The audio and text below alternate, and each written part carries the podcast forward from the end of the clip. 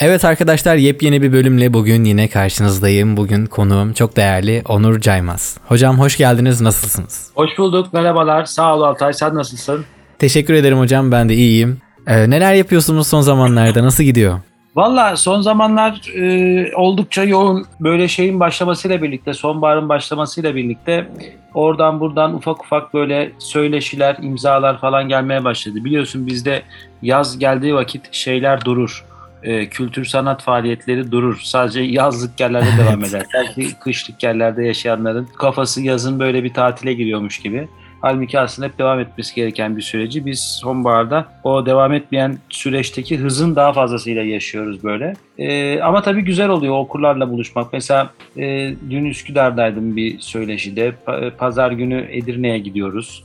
Hı hı. Ee, işte e, yani benim bir yandan da tabii atölyeler var. Benim e, akademilerin yazı, şiir, öykü e, atölyeleri. Mesela yarın bu atölyeler için işte katılımcılarla akademilerin şeye gideceğiz, adaya gideceğiz falan. Yani yoğun ya ben şeyi seviyorum. Yani bu yoğunluk içerisinde yaşıyorum zaten. Bu yoğunluk olmadığı zaman e, benim için rahatsız edici oluyor hayat. E, tabii bunun yanında şey var. E, evin ekmeğini, geçimini kazanmak için çalışıyor yani maaşlı çalışanız sonuçta bir yerde. Evet. O var. E, bir yandan yazı işleri var. Yani e, yani okumam gerekenler var bir yana. Bir yandan da yazmam gerekenler var. Yani gün işte ne diyeyim altı buçukta başlıyor. E, gece 12 çeyrek geçe yarım falan gibi böyle sızmış halde yorgunluktan bitiyor. E, bu da bizi diri tutuyor tabii. Ee, bu akademinler var hocam. O akademinlerden neler yapılıyor ben çok merak ediyorum. Birazcık böyle hem beni hem dinleyenlerimizi bilgilendirirseniz nasıl olur? Tabii ki ilgilendirmez miyim? Akademiler benim aşağı yukarı 12 yıldır yürüttüğüm bir e, süreç, bir kurum. Yani ismi konulmuş bir e, yapı. Ama ben e, baktığımda şöyle geriye doğru 14 yıldır Türkiye'de kültür sanat anlatmak gibi bir delilikle uğraşıyorum. Yapanlar içerisinde yavaş yavaş en eskisi olduk. Başta tabii e, eski dostum Latife Tekin'le e, başladı süreç. E, Evet. orada Arnavutköy'de Gümüşlük Akademisi'nin bir şubesi vardı. E, işte artık aramızda değil rahmetli Küçük İskender, ben, Mario abi, Mario Levi hep birlikte e, orada. İşte İsmail Gezgin Hoca falan böyle geniş bir kadro. Gittikçe genişledi o kadro. Latife bana şey demişti. Ya sen de burada atölye yap işte. Bak Mario öykü yapıyor, İskender bir yapıyor falan. E, ben de düşündüm ya ben ne yapacağım diye. Sen de dedi işte yaratıcı yazarlık atölyesi yap falan. Ben de dedim ki yani ben nasıl yazıldığını yani en iyisinin nasıl olduğunu bilsem başkalarına niye anlatayım dedim. Yani kendim, kendim yazarım daha iyi yani başkalarına niye anlatıyorum. E, kendimin de bunu bilmediği açık. En iyisini yazmak o kadar da kolay bir şey değil zamanla Tabii ki. Çünkü. E, yani hadi benim en eski öyküm nokta 20. yaşına girmek üzere. E, 20 yıldır hala aranıyor. Umberto Eco'nun veya okunuyor. Umberto Eco'nun bu ben iyi bir öykü yazdım. Notos öyküde çıktı falan. Bu çok bir şey ifade etmiyor. Tabii. O iyi öykü 30 yıl sonra da aranması gerekiyor. Ölçü 30 yıl. E ben de dedim ki yani hani ben bilmiyorum ki ya- yani nasıl hani yaratıcı yazar neyin sırrını veriyor ki insanlara? Bunu e, o zaman bilmiyordum. E, ben dedim ters adamda olduğum için ben hani ben dedim yaratıcı okurluk yapayım. Yani Türkiye'de atölyede yani böyle bir şey dersinde bir e, akademi meselesinde ki bu 90'ların sonunda işte Murat Gülsoylar'la falan başlamış olsa gerek. Ayferlerle falan. Evet. İşte biz ikinci e, veya üçüncü yüzdür. On, oralarda hep yaratıcı yazarlık yapılıyordu. Ben de ters adamım dedim ya yaratıcı okurluk yapayım. Böyle bir laf çıktı ağzımdan. Ama nedir? İçini nasıl dolduracağım bunun? Bilal Latife de çok beğendi. Daha süper falan dedim. Ulan ne yapacağız? Şu çok önemli bir kavram. Buyurun. Biz e, şeyi bilmiyoruz. Yani yazarlığın sadece yazı yazmakla ilişkili olduğunu sanıyoruz. Tabii artık bütün akademilerde, atölyelerde söyleniyor bu. Ama iyi yazı yazmak için çok iyi okur olmak gerekiyor. Kesinlikle. E, bu kavramı e, bu ders veren yerlerde yoksa bu kavram tabii ki bilinen bir kavram. Benim icat ettiğim bir şey değil zaten. Bin yıldır bilinen bir şey de. Bu tarz akademilerde dışarıdan ders verilenlerde ilk söyleyenlerden biriyiz biz. E, o güne kadar herkes işte yazarlık sırlarını veriyoruz falan filan. Yani böyle bir yerlerden çıkıp da büyük yazar olan da e, 20 yıldır öyküsü aranan birilerine de çok da rastlamadık. E, yani bu biraz da şuna benzer. Ortaokulda, lisede herkes resim, müzik dersi görür. Üstelik de hepimiz flüt çalarız ama Türkiye'de son 30 yıldır ünlü olmuş bir bestecimizin flüt konçertosu dünyada yok yani. Herkes flüt çalıyor ama yani herkes resmi öğreniyor ama yok işte yani sonuç olarak demek ki öğretmeyle olmuyormuş. İlgilenmekle ve uğraşmakla ve çaba harcamakla ve e, yüz çizgilerine sinen o işleri düşünmenin verdiği ıstırabın izleriyle oluyor bir şeyler. Yoksa hani aman ben de çok güzel anlatıyorum. Ben de işte Oğuz Atay okudum hemen hikayeci oldum falan gibi böyle bir şey yok hayatta yani. Ee, böyle başladı. Ee, yaratıcı okulu nasıl doldururum? O tabii uzun bir içerik anlatmayayım şimdi. Reklam gibi de olur. Evet. Öyle başladı. e, Öyle başladı. Süreç iki yıl falan orada burada e, işte Gümüşlük Akademisi'nde başka yerlerde falan yaptıktan sonra son 12 yıldır da akademiler adı altında kendi atölyelerimizi yapıyoruz. Tabii biz yaratıcı yazarlık atölyesi yapmıyoruz. E, Yani yaparız. Yapmayacak kadar bir kalibrasyonumuz yok değil ama yapmıyoruz. Çünkü inanmadığımız bir şeyi yapmaktan hoşlanmıyoruz. Öykü atölyemiz var ama öykü atölyemizin adı öykü dersleri. Ve insanlar burada öykü okumayı öğreniyorlar yazmaktan çok. Bir reçetemiz yok. Canı isteyen köy öyküsü yazıyor. Canı isteyen fantastik öykü yazıyor. Canı isteyen postmodern öykü yazıyor. Hemen böyle o bir iki atölyede öğrenmişler. Üst kurmaca yapıyorum ben falan. Hemen onu nasıl yapıldığını öğrenmek çok önemliymiş gibi sanki büyük yazar olmadan. Karacı olan sanki ne yaptığını biliyormuş gibi. Yani yazarlık biraz da ne yaptığını bilmeden yaptığım bir şeydir çünkü. Bir şeye kapılarak, hayvansı bir hisle, e, terle, kanla, gözyaşıyla, kokuyla bir av gibi yarattığım bir şeydir. O bir dövüştür yani. Reçeteyle yapılmaz. Biz rehberlik yapıyoruz. E, bunun dışında ben Türkiye Edebiyatı'nın yarısının Norveçli olduğunu düşündüğüm için yani Türkiye'de edebiyatçılar zaten Türkiye'li çoğu. Türkiye edebiyatı evet evet. Zaten çoğu Türkiye'li. O Türkiye'li nereye ait olduğunu gizlemek için onu yapıyor. Norveçli aslında o. Yani niye Norveçli? Çünkü e, pandemi döneminde e, 50'den fazla kargocu ve müzisyen intihar etti, öldü mesela. Türkiye'de 2 milyondan fazla çocuk işçi var. Hı hı. Bir yandan da bir, bir, bir fırt bira içtim. E, ama e, Yarasın. bunların hikayesi henüz yazılmadı. Türkiye'nin alt- e, 7-6 yıl önce meclisi bombalandı. Bunun henüz hikayesi yazılmadı. Yani böyle hikayeler yazılıyor işte. Geceleri travestilik yapan bir futbolcunun hayatı falan gibi böyle. Sanki Türk dizisi gibi işte hocam. Türk dizileri Evet, de öyle evet. ya. Hep böyle şirkette Evet, holdingde va- geçen hayatlar, onların acıları, onların aşk hayatları falan. Veya kahramanın iç dünyasını yazıyor falan. Yani sanki kahraman simit almıyor ve simitin 5 lira olmasından tabii havalimanlarında 20, o- 54 lira. Ee, bundan rahatsız olmuyormuş gibi sadece kahramanların iç dünyasını yazabilen yazarlar var ve aslında kahramanın iç dünyası değil de kendi iç dünyası zaten. Evet. Ee, ve böylelikle okuru güzelce bir e, dümenle kandırmış oluyoruz. Ee, Türkiye'de son 10 yılda yazılan romanda sen hiç gördün mü bilmiyorum. 3 kişinin 4-5 sayfa boyunca konuştuğunu gördün mü? Görmediysen bu bizim yalnız olduğumuzu anlatır. Yani demek ki Türk yazarı da konuşmuyor. Zaten bizim Türkiye'liler Türklerden nefret ediyorlar. Yani çomarlar bir yanda, şeyler bir yanda biliyorsun böyle bir sürü sorunlarımız da var. Hal böyle olunca edebiyat da maalesef hayatın ana damarlarından çok büyük oranda kopmuş halde. Bu kopukluk içerisinde zaten açıkçası mutlu edici, heyecanlandırıcı, hani böyle Ercan Kesal'ı donla görüp Bozkır hikayesi falan hani öyle şeyler var ya sanat filmi öyle oluyor. Ercan Kesal paçalı donla oturuyor ve onu kadrajlıyoruz uzaktan böyle eski bir koltuğun üzerinde. Ama herkesin iPhone'u var yani bir Bozkır hikayesi ama e, falan yani Çehov'un Bozkır'ını belki bir tek Nuri Bilge Ceylan okumuştur. Yani fon alabileceğin şekilde de çekebiliyorsun o filmleri biliyorsun yani Evet. 2-3 pekmezcilik yaptığın zaman zaten işte Ermenistan'dan fon alacağım şu bu falan filan. O aradan güzel fon da geliyor. Bağlamından kopuk iki tane LGBT'yi de yerleştirebilirsin. Sonuçta fon gelmesinde işin kolaylığı var, işe yarıyor. Sonuçta bu bir sektör ve bu sektörden ekmek yiyen çok insan var. Yani aktivistlikten söz ediyorum Evet evet evet. güzel bir sektör. Yani keşke herkes işini gücünü bırakabilse de böyle tatlı tatlı eee, şeylere e, ne Sektörlerde kovalasa. sektörlerde görev yapabilse yani. Evet. Maalesef biz e, gerçeğe sadakati olan insanlar, gerçeğe sadakati olan Türk yazarları bu tarz şeylerden erdemli, çok erdemli, çok namuslu falan olduğumuzdan değil. Bizler de kıymıkları olan insanlarızdır muhakkak ama midemiz bulandığı için e, elimizi o çamurun üstüne sürmek istemediğimiz için ve bağımsız olma duygumuz zedelenmesin diye e, genelde e, aktivist olmuyoruz. Zaten bu bir paket.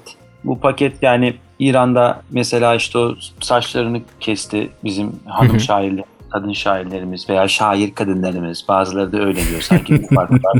bilmiyorum. Bir de biz kendimize erkek şair veya şair erkek demiyoruz. Onlar kadın şair veya şair kadınlar. Şey yaptılar geçen gün İranlı kadına destek olmak için saçlarından bir tutam kestiler. Çok güzel bir eylem bu, tatlı bir eylem ama eylemin sonuna doğru Jinjiyan Azadi diye de slogan attılar. İran'daki kadın e, Kürtçe biliyor mu bilmiyorum ama bizim kadın şairlerimiz bunun bir PKK sloganı olduğunu, çünkü İran'daki eyleme Pejak karışınca akıllarına geldi ki aa evet biz de burada solculuk oynayabiliriz. Pejak sonunda izin verdi deyip akıllarına geldi veya gayet de dangalak oldukları için neye alet olduklarının farkında değiller. Ama e, işte Türkiye'de zaten aydınların çoğu o yüzden günaydın oldu. Yani işte Orhan Pamuk kitap çıkarıyor. Diyor ki ya bu ortam çok kötü oldu. 1984 George Orwell'ın ortam, ortamı gibi oldu diyor. Sanki babamla ben yaptık bu ortamı.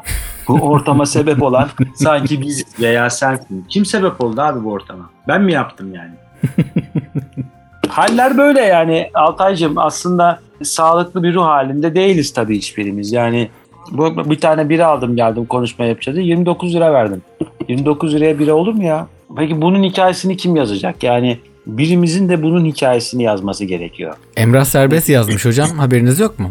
Ee, şey mi? Emrah Serbest yeni Emrah Serbest dizisinde okul- okul- ekonomiyi okul- birazcık dizide ben dizisini gördüm, fragmanını gördüm. Ya onu Emrah yazmıyor ki. Ba- Başka bir adam Mehmet Mehmet Can Ercan Elde- Ercan Mehmet'le beraber yazıyorlar herhalde Ha, artık. orada yazıyor muymuş bu sefer? He, yazıyormuş. Ya Hatta onun Serbest- öykülerinin uyarlamasıymış. O dergide falan yazıyormuş herhalde hapisten çıktığından beri. Ee, Ya ben o dergiyi de okumuyorum. O adamı da sevmiyorum. Yazdıklarını da çok açıkçası banal buluyorum. Ve edebiyat olarak da görmüyorum. Ee, Emrah yani şu şeyden rahatsız değilim yani kaza şu rahatsızım tabii bir insanın böyle bir kaza yapıp Hı hı. e, yani bilinçli bir biçimde alkol alıp böyle bir şey yapması çok üzücü. Ama hani yazarlık kısmını bununla bağdaştırarak değerlendirmiyorum. Bu olmasa da Emrah kötü bir yazardı benim için zaten. Bunun olması yazarlığı değiştirmiyor. Yani Dostoyevski de sonuçta dünyanın en iyi ve bizim siyasetimizden bir insan değil. Balzac da öyle değil. Ama Emrah iyi bir yazar değil her şeyden önce. Benim açımdan. Yani bunu hayranları var. Edebi olarak metinlerinden yola çıkarak. Evet, yani ben okumuyorum. Yani beni e,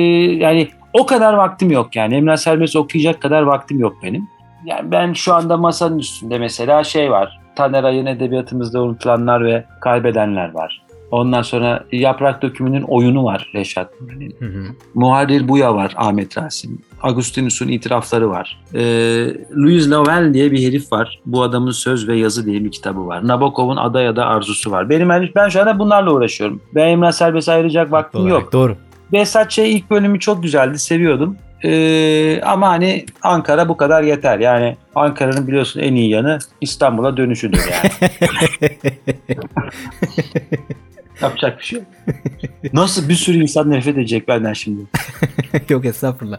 Hocam dur o zaman böyle siz e, tam gaz devam ederken çok sevdiğiniz bir konuya değineyim. Bu Lütfen. teyit edebiyat üzerinden gidelim mi? Ne Olur yapacağız biz bu Nazım Hikmet'in, Can Yücel'in adını böyle olur olmadık her yere koyan insanlarla? Nasıl baş edeceğiz? Bu şimdi ben bunu araştırdım Altaycığım. Bu e, bu bahis siteleri var ya bahis Evet. siteleri. Betson falan filan. Bir zaman bir ara ben de oynamıştım. Bir 15-20 lira kazanmıştım var. 1000 değil yani 20 lira. 2 lira oynadım 20 lira kazandım. Yok 2000 lira oynasaydım bayağı kazanacakmışım ama evet. yani onu bu becerebilecek bir adam değil. Böyle şans vurdu öyle. Ee, bu siteler, yani bu, bu Twitter hesapları, bu Twitter hesapları bu tarz laflar koyup bu, biliyorsun yani kötü şiir her zaman alıcı bulan bir şeydir. Kötü eser gibi işte yani Behzat Ç. bunun bir örneği. Her zaman alıcı bulan bir şeydir. Bu dünyada mı böyle Türkiye'de mi böyle hocam? Yani bizim toplumumuzda bir şey mi yok acaba? Yok abi, Estetik edebi zevk mi yok? Yok ya her yerde böyle bu. Yani e, sadece şu var. Batılı ülkelerde veya başka yerlerde iyi edebiyat değer görür. Az kişi vardır ama değer görür. Bizde değer de Bizde şöyle bir şey oluyor yani. Oğuz Atay, Ahmet Hamit Tanpınar tutunamayanlar. Bir de bizde tutunanlar var. Yani Memduh Şevket var. Efendim e, Ziya Osman Sabah var. E, bir Zeyyat Selimoğlu var mesela. Bir Abbas Sayar var mesela. Kesinlikle. Ya tamam Orhan Pamuk anladık çok seviyorsunuz. Ben de seviyorum Orhan Pamuk. Hani böyle bir Orhan Pamuk sevmiyorum deyince şu oluyor ya. Teyit edebiyata döneceğim. Ay işte ulusalcı bunlar. Evet abi ben ulusalcıyım. Sen istiyorsan faşist dedi. Ben Kemalistim. Tamam mı? Bu budur. Eyvallah. Ama bu benim Orhan Pamuk'la ilişkimi bozacak veya düzeltecek bir şey değil. Hani şey diyorlar ya bunlar Kemalist anlamıyor Orhan Pamuk çünkü sevmiyor. Alakası yok. Ben 7 cilt Proust'u iki kere okudum. Robert Musil'in Niteliksiz Adamı'nı iki kere okudum. Tevrat'ı üç kere okudum. Kur'an-ı Kerim'i bir kere okudum. İlyada üzerine ders veriyorum. Yani ay Orhan Pamuk'u anlamıyorum çünkü hiçbir bok okumadım gibi bir şey söz konusu değil. Olamaz. Orhan Pamuk'un Türkçesi bozuk yani. Bu, bunun daha bir ötesi yok yani. Cevdet Bey ve oğullarında cenaze namazı caminin içinde secde ederek kılınılıyor. Hiç Pamuk mezhepte bu olmayan bir şey. E bu, bu coğrafyanın yazarı değil adam. Peki kötü yazar mı demek bu? Hayır değil. Ora kara kitap bir başyapıttır. Hı hı. Ama benim benim en önemli yazarım Orhan Pamuk değil yani. Mithat Cemal Kuntay'ın 3 İstanbul'u varken tarihi roman diye veba gecelerini okumak. Ay minger minger. E minger rengim işte. Beyaz kare, kırmızı, e, benim adım kırmızı, kara kitap. Rengim, minger, rengim. Ne kadar güzel bir oyun bravo. Peki sadece oyun mu ki edebiyat? Kolasını ne yapacağız yani? Orada bir de kolası var. Yani şimdi bu, bu mevzuları açmak istemiyorum. Herkes kimin ne yapmak istediğini biliyor yani. Atatürk heykellerine yıllarca kafasına pisleten adam da Orhan Pamuk'tur. Yani bu bir ben bundan da rahatsız değilim. İstiyorsa yapsın. Ben Kemalistim ama rahatsız değilim bundan. Gururla da söylerim Kemalist olduğumu. Ama bundan rahatsız değilim. İstiyorsa yapsın. Kimseyi şey yapacak bir şey yapacak değiliz yani. Evet. Ama yapılmamış gibi davranılması veya bu söylendiğinde bize hastaymışız gibi bakılması veya Orhan Pamuk anlamıyorsa edebiyat bilmiyordur. Ya niye bilmeyeyim yani? Kralını biliyorum. Orhan Pamuk'u sevmek ve bilmek zorunda da değiliz. En çok tırmaladığı adam Proust'tur yani. Proust'tan alıp alıp üslubu yazmıştır yani. Bunda da bir bir şey de görmüyorum. Beis de görmüyorum. Hı hı. Çaldım da miri malı çaldım. Sorun değil. Ama hiçbir şey okumayan insanlar Orhan Pamuk okuyor. Bayılınca komik oluyor. Evliya Çelebi okuyan, okumayan adamın İsa Noktay Anar sevmesi bana tuhaf geliyor. E, çünkü Evliya Çelebi okusaydın daha önce İsa Noktay Anar'ı o kadar da değişik bulmayacaktın. Bunu söyleyince de insanlar bozuluyor Türkiye'de. Hani biz kızıyoruz da çok kötü bir dönem AKP falan filan. Biz hepimiz AKP'yiz ki zaten. Yani kendi doğru. camiamda eleştiri yapamadığın bir yerde yani AKP'yi de tenzih ederek söylüyorum. Anladım arada. ama yok anlaşıldı doğru. Yani hani AKP veya CHP bence hepimiz CHP'yiz de aynı zamanda. Kesinlikle öyle. İnsanlar bu kadar bir şeyle yıllarca boğuşunca artık o oluyorlar. Yani AKP'de olursun, CHP'de olursun. Bizim sitede herkes ülkeyi kurtarıyor WhatsApp grubundan. Siteye bir kamera taktıramadık ya. Bir kamera. O sen önce kendi götünü topla ya. Bırak ülkeyi kurtarmayı WhatsApp'tan yani. Böyle 60 geçen gün WhatsApp grubuna atmış. Diyor ki fiber saldırı yapılacak diyor. Fiber. Dedim yazdım siber olmasın o sakın. Herhalde onu da sibercan sandım. Yani. Teyite gelince yani o bahis siteleri adam toplayıp reklam yapmak için ve ada siteleri adam kazanmak için çok üzgünüm ama Cemal Süreyya'yı kullanıyorlar. Attila İlhan'ı kullanıyorlar. Nazım'ı kullanıyorlar. Ağzını kullanıyorlar. Ve ve çok korkunçlar. Yani kötü edebiyatın cılkının çıkması diye bir şey var. Yani hani kötü romancı çok gördüğüm, kötü yazar çok okuduğum, kötü şair zaman zaman ben de çok kötü şiirler yazdım, kötü öyküler de yazdım. Ama bu büsbütün kötü ya. Kalitesiz. Hocam az evvel Altay Hoca ile konuşurken Altay Öktem'le bundan bahsettim bu konudan. Aha. 2010'larda falan da herhalde bu İnci Sözlük, Serkan İnci, Umut Kullar vesaire bu isimlerin İnci Sözlüğü duymuşsunuzdur, biliyorsunuzdur. Bilmez miyim canım? Oradaki çocukların örgütlenip yaptığı bir eylem vardı işte böyle saçma sapan dizeler yazıp altına Can Yücel imzası atarak bir akım başlatmışlardı.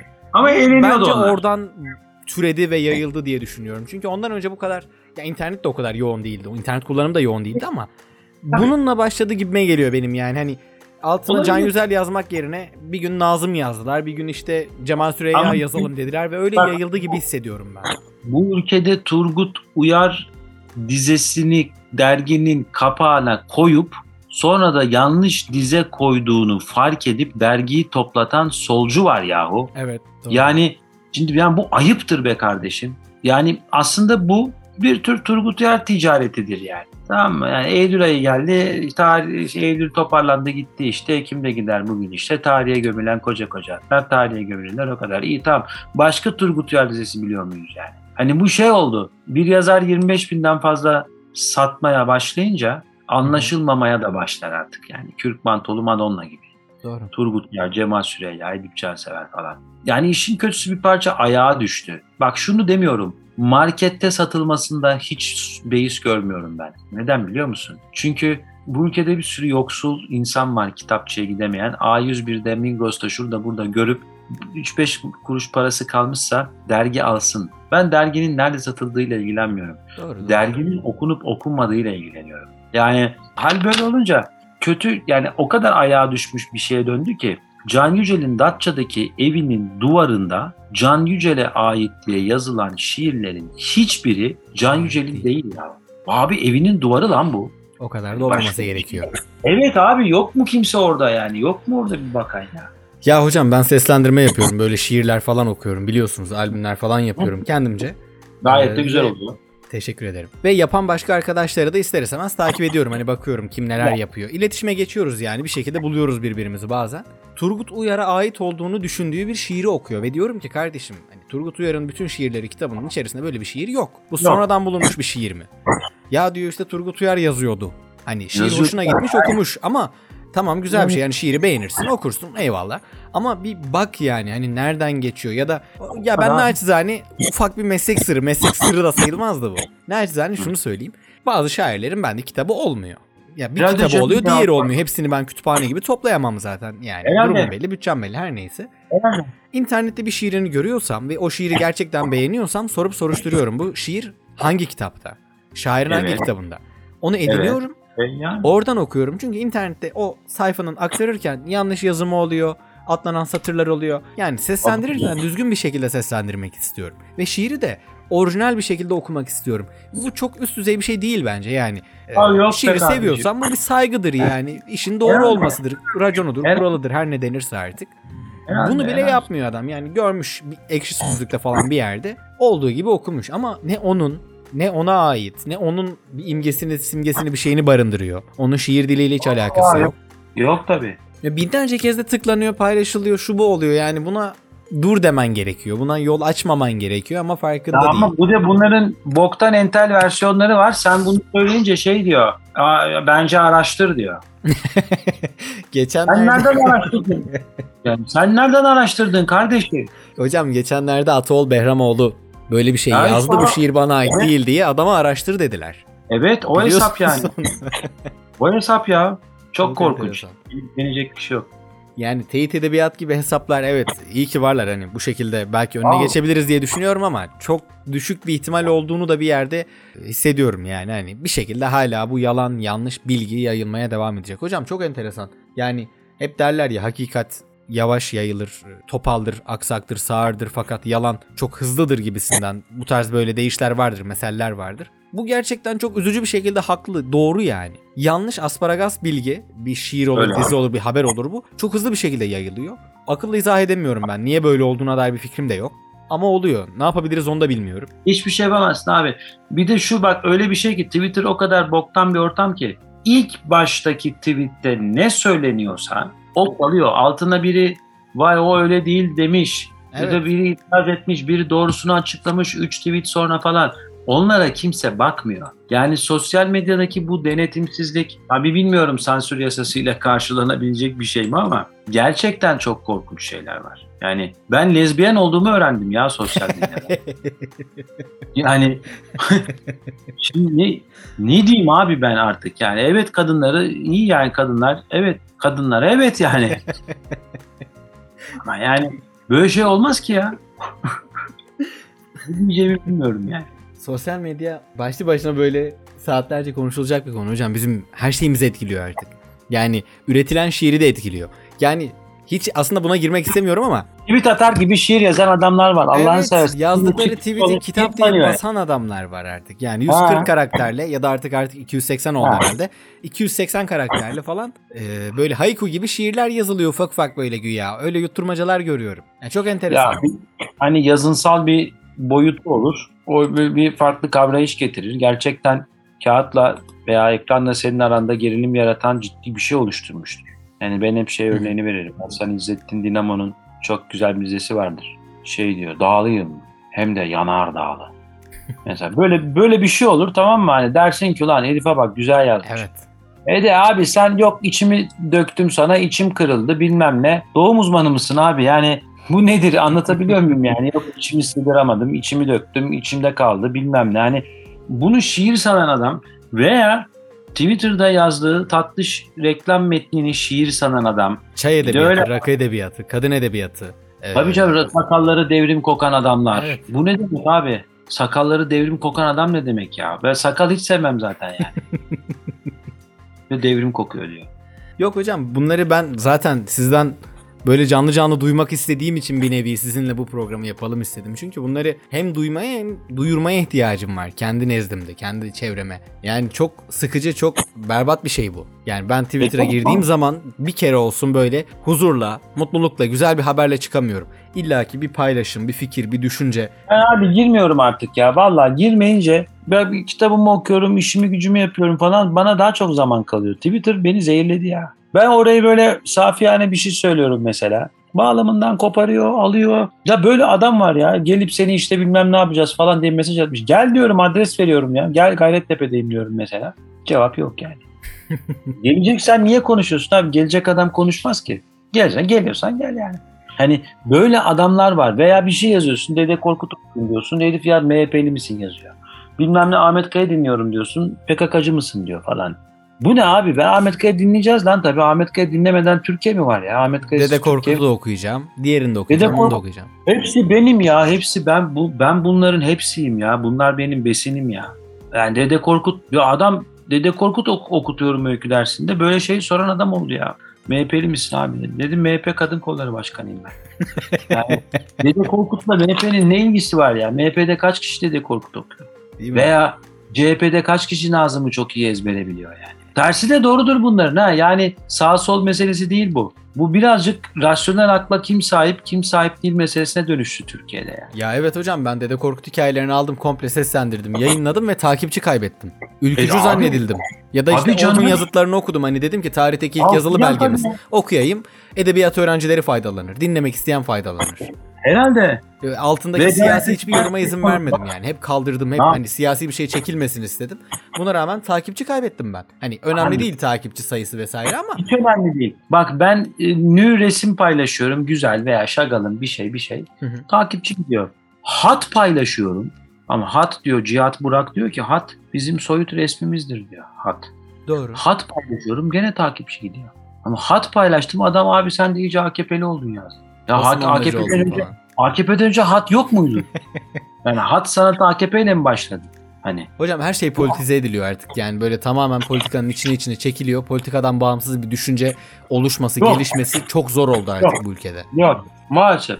Ve bu hepimizi zehirliyor. Yani Evet. AKP iyi bir şey yapar. Alkışlarsın. CHP iyi bir şey yapar. Yani ben mesela o Millet Kütüphanesi'ni seviyorum kardeşim. Güzel bir iş. Yani Hı hı. orada duran kodeksler, orada duran belgeler, orada durması, orada korunuyor olması, belli bir tek merkeze toplanıyor olması falan. Güzel bir şey yani bu. Yani ben buna mesela şey yapamıyorum. Orada beni şiir gecesi yapmaya davet etseler ben oraya giderim. Hı hı. Niye giderim biliyor musun? Çünkü orada bizim çocuklarımız var. Onlar beni tanımıyorlar. Ben onlarla tanışmak istiyorum. Oraya gitmiş olmak benim şucu ya da bucu olduğum anlamına gelmiyor. Ben kaç kişiye ulaşırsam bizim düşündüklerimizi onlara da aktarırım diye düşünüyorum. Ve bunu faydalı buluyorum. Yani Enver Ayseverlik yapmaya gerek yok yani. Enver İlla bir tarafta illa bir kutupta olmak zorundaymışız gibi bir Yok algı abi, var. benim, benim kutbum şu. Ben şöyle bakıyorum. Türkiye'yi seviyor musun? Sevmiyor musun? Sevmiyorsa da ona göre koy. Siyaseten söylüyorum. Evet. Yoksa Türkiye'yi sev, Dostoyevski, İstanbul'u alacağız, Çargrat yapacağız diyor. Ama masamda şu an iki tane Dostoyevski var. Kesinlikle. Bu da tekrar okuyorum. Ama hani bu siyaseten Dostoyevski tartışabiliriz. Ama benim ölçüm şu yani solcu, sağcı, e, eroinman, hırsız, kokainman bilmem ne, dinci falan bu değil yani. Kapalı, açık, başörtülü, örtüsüz. Neyse bu değil. Ben şuna bakıyorum. Türkiye'yi seviyor musun kardeşim, sevmiyor musun? Ben buna bakıyorum. Çünkü gelecek 10 yılda bizi kurtaracak şeyin de bu olduğunu düşünüyorum. Yani Türkiye'yi sevecek misin yoksa Türkiye'li misin? Yani bunu bunu sözüm diyor ki ya sev ya terk etme diyorsun. Yo öyle desem öyle derim. Sana niye ağız yapayım ki? Anlat, anlıyor musun? Yani sana niye lafı evirip çevireyim ki? Senden mi korkacağım? Veya sana şey mi borcum mu var? Yalan borcum mu var? Yani ben şuna bakıyorum kardeşim. Türkiye'yi seviyor musun? Sevmiyor musun? Çok zor bir soru değil evet. Çok zor değil ve Türkiye'yi sevmek de AKP değil. Türkiye'yi sevmek Yani herhangi bir partiyle bağla- bağdaştırılamaz zaten. Aynen partiler üstü bir şey. Çünkü partiler gider. ANAP var mı şu anda? Değil mi? Papatyalar, gider ama devlet kalır. Perihantal vardı falan. Hani var mı? Erdal'in önü vardı. Var mı? Hiçbiri yok. Ama Türkiye duruyor. Yani AKP olur, olmaz. CHP kalır, kalmaz. O biter, öteki gelir bilmem ne. Ama kalıcı olan şey Van'daki e, o kışlada nöbet tutan çocuktur. Edirne'de çarşı içinde sabun satan kadındır. E, Malatya'da kayısı derleyen, toplayan adamlar, kadınlardır. İstanbul'da öğrenci evinde bir şeyde e, apartmanın tabii ki. alt katında 3 kişi 4 kişi ortaklaşa kirayı ödeyemediği için kimisi Malatya'dan kimisi Kütahya'dan gelmiş çocuklardır. Bunlar kalıcı ve Öğrencisi, Türkiye işçisi, memuru. Evet biz bunu kaybettik yani. Bu kaybolan bu olunca ister Amerika'ya git Rockefeller'la görüş, ister Putin'le görüş. Yani sen birlikte olmayı kaybettin. Doğru. Twitter'dan gördüğün her şeyi inanmayı, dünya düzdür diyen adam var ya Twitter'da bayağı ispatlıyor çıkmış böyle diyor işte bak diyor düz görünüyor falan. Daha Buna neler da- neler hocam ne siyasi fikirler ne komplo teorileri ne anti bilim tezleri ne dinler tarikatlar şunlar bunlar yani o kadar bambaşka Ya bir ortam var ki. Altay bak bu mozaiğin üstüne UFO çizmişler tamam mı paintbrush'la. Adam diyor ki bak diyor bu ne mozaik bulundu falan. Ya diyorum kardeşim manyak mısınız siz? Böyle bir şey yok diyorum. Adam diyor ki sen küreselcisin diyor. ya, baba yani ne kullanıyorsun uyuşturucu olarak? Yani hani küreselci ne demek değilim ben küreselci ya. Ben kirada oturan bir adamım ya.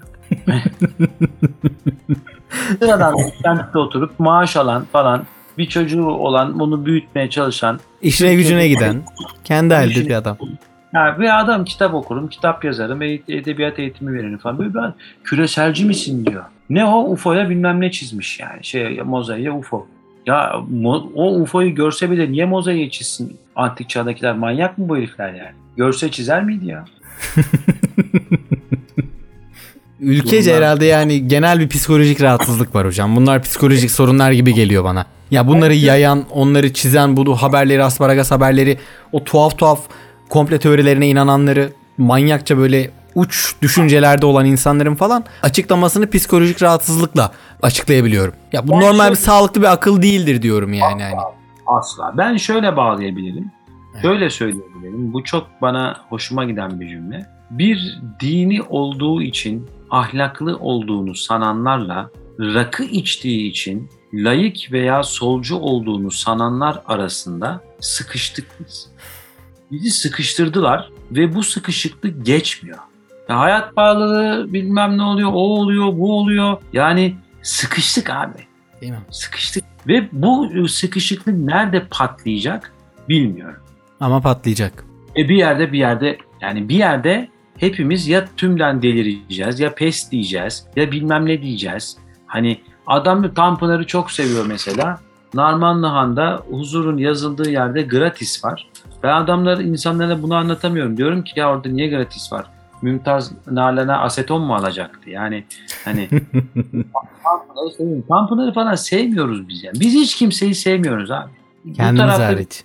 İsmet Özel'den söz ediyorsun. Vay o şöyle dedi, böyle dedi. Kardeşim veya böyle bir bilgiç tayfa var mesela işte. Hiç düşüncesi düşünmeden işte sadece şiir yazsa falan. Abi adam bu kafaya sahip olduğu için o şiiri yazıyor zaten. Evet. Yani sen şiirin çarpık doğasından hiç haberin yoksa ben ne yapayım? Veya böyle adamlar var. Bizim Uşak'ta da var mı? Ya ne buluyorsun bu olanda falan. Böyle böyle konuşan adam var. Bu adamda ne buluyorsun falan. Egoya bak yani. Yaşayan en önemli Türk şairlerinden birinden bahsediyorsun falan. Ama İslamcı değil mi? E İslamcı ne yapayım şimdi yani? Bunu söyleyen adamın adı da Mehmet mesela. Muhammed. Anladın mı yani? Ve yani hiçbir şeyin bu, bu kadar farkında olmadan veya öteki tarafa bakıyorsun adam e, adamın girdiği gittiği camiye bakıyorsun. Mimar Sinan bu camiyi görse ne derdi acaba veya bu adama ne derdi diyorsun ve namaz kılıyor ama ıtrı bilmez, çini bilmez, tekbir bilmez. Bir, bir- Evet bir o kadar şeyden- işte derine inmek gerekince. Kendi kullandığımız çamaşır makinesinin kullanım kılavuzunu 5 kere okuruz belki. internetten bakarız ama kendi siyasi görüşümüzün veya hayat görüşümüzün izleri üzerinde ne kadar derinleşiyoruz. Bu da birazcık şey. Derinleşebiliyor muyuz ya da? Veya derinleşebiliyor muyuz yani? Biz mesela eskiden geçmiş bahar mimozalarını izliyorduk. Şimdi çukur izliyoruz yani. Mesela buraya nasıl düştük yani? Bu da ayrı bir konu aslında hocam. Bunu başka bölümde belki konuşalım. Yani artık televizyonda gösterilenler, sinemada gösterilenler başlı başına bir konu. Bunu 6 ay konuşuruz. Yani Türkiye'nin çok kültür sorunu var yani. Çok büyük bir kültür sorunu var yani. Şey şey kadar küçültemeyiz bunu. Solcudan yazar olur, sağcıdan olmaz falan. Tabii canım. Bir, şey- küçültülecek bir şey değil. Bak solculuk, sağcılık iktisadi şeylerdir. Kültürel şeyler değildir. Yani solcu e, emekten yanadır, grev hakkından yanadır. Efendim ne bileyim işte e, üretim ilişkileri, e, şey e, kamulaştırma, üretim... Ama bu e, kültürüyle de ilişkili değil mi zaten? şöyle olur. Yani kültüre geldiğinde e, bir solcunun mesela mevlid bilmemesi, yani Evet. birisi iktisadi, iktisadi altyapıdır. Ötekiler üst yapıdır. Yani iktisadi Doğru. mesele alt- solculuk, sağcılık altyapıda belirlenir. Üst yapı burada önemli değildir.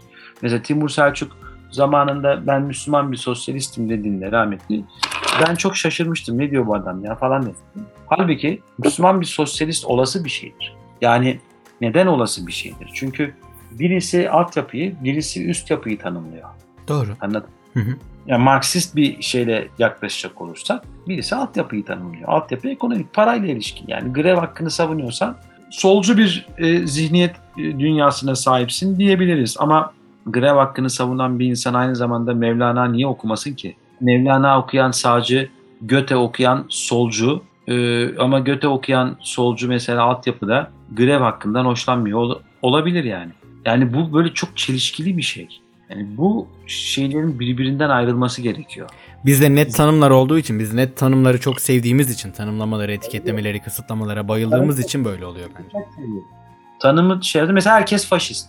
Herkes faşist mesela. Diyorsun ki çok Türkiye hani şişli kalabalık oldu. Arapça tabela çok. Abi Paris'te koyamazsın ya. Belirli bir kotadan sonra yabancı tabela koyamazsın. Arapça bilmem nece. Kiril falan koyamazsın. Adamı yakarlar, keserler. Koyamazsın, ceza yersin. Yani bu fa- bunu sözün faşist diyor herif. Ya faşist bu mu abi? Faşistler 6 milyon kişi öldürdü ya 2. Dünya Savaşı'nda. Sen beni veya beni veya benim gibi düşünen birisini neyle yargıladığını sanıyorsun? Asıl faşist sensin. Ben bak ben şu an K dergisi İskender sayısı hazırlıyor. Tesadüf ben de Küçük İskender bir şiiri bitirdiği zaman diye bir şiir yazdım. 3 A4 falan. Destan yazdım İskender'e. Aralık ayında mı Aralık sonunda mı ne yayınlanacak? Ee, İskender'i de almış oldum bundan. Toparlayalım iki dakikada hadi. Toparlayalım hocam. Yani konuşacak konu çok. Ee, Çok. Yine yaparız. Kavga edecek şey de çok. Bu yayının tekrarını ben mutlaka istiyorum bu saatten sonra. Yani sizi illa bir şekilde yakalayacağım. Yaparız yaparız Çok zevkli bir sohbet ya. Eyvallah.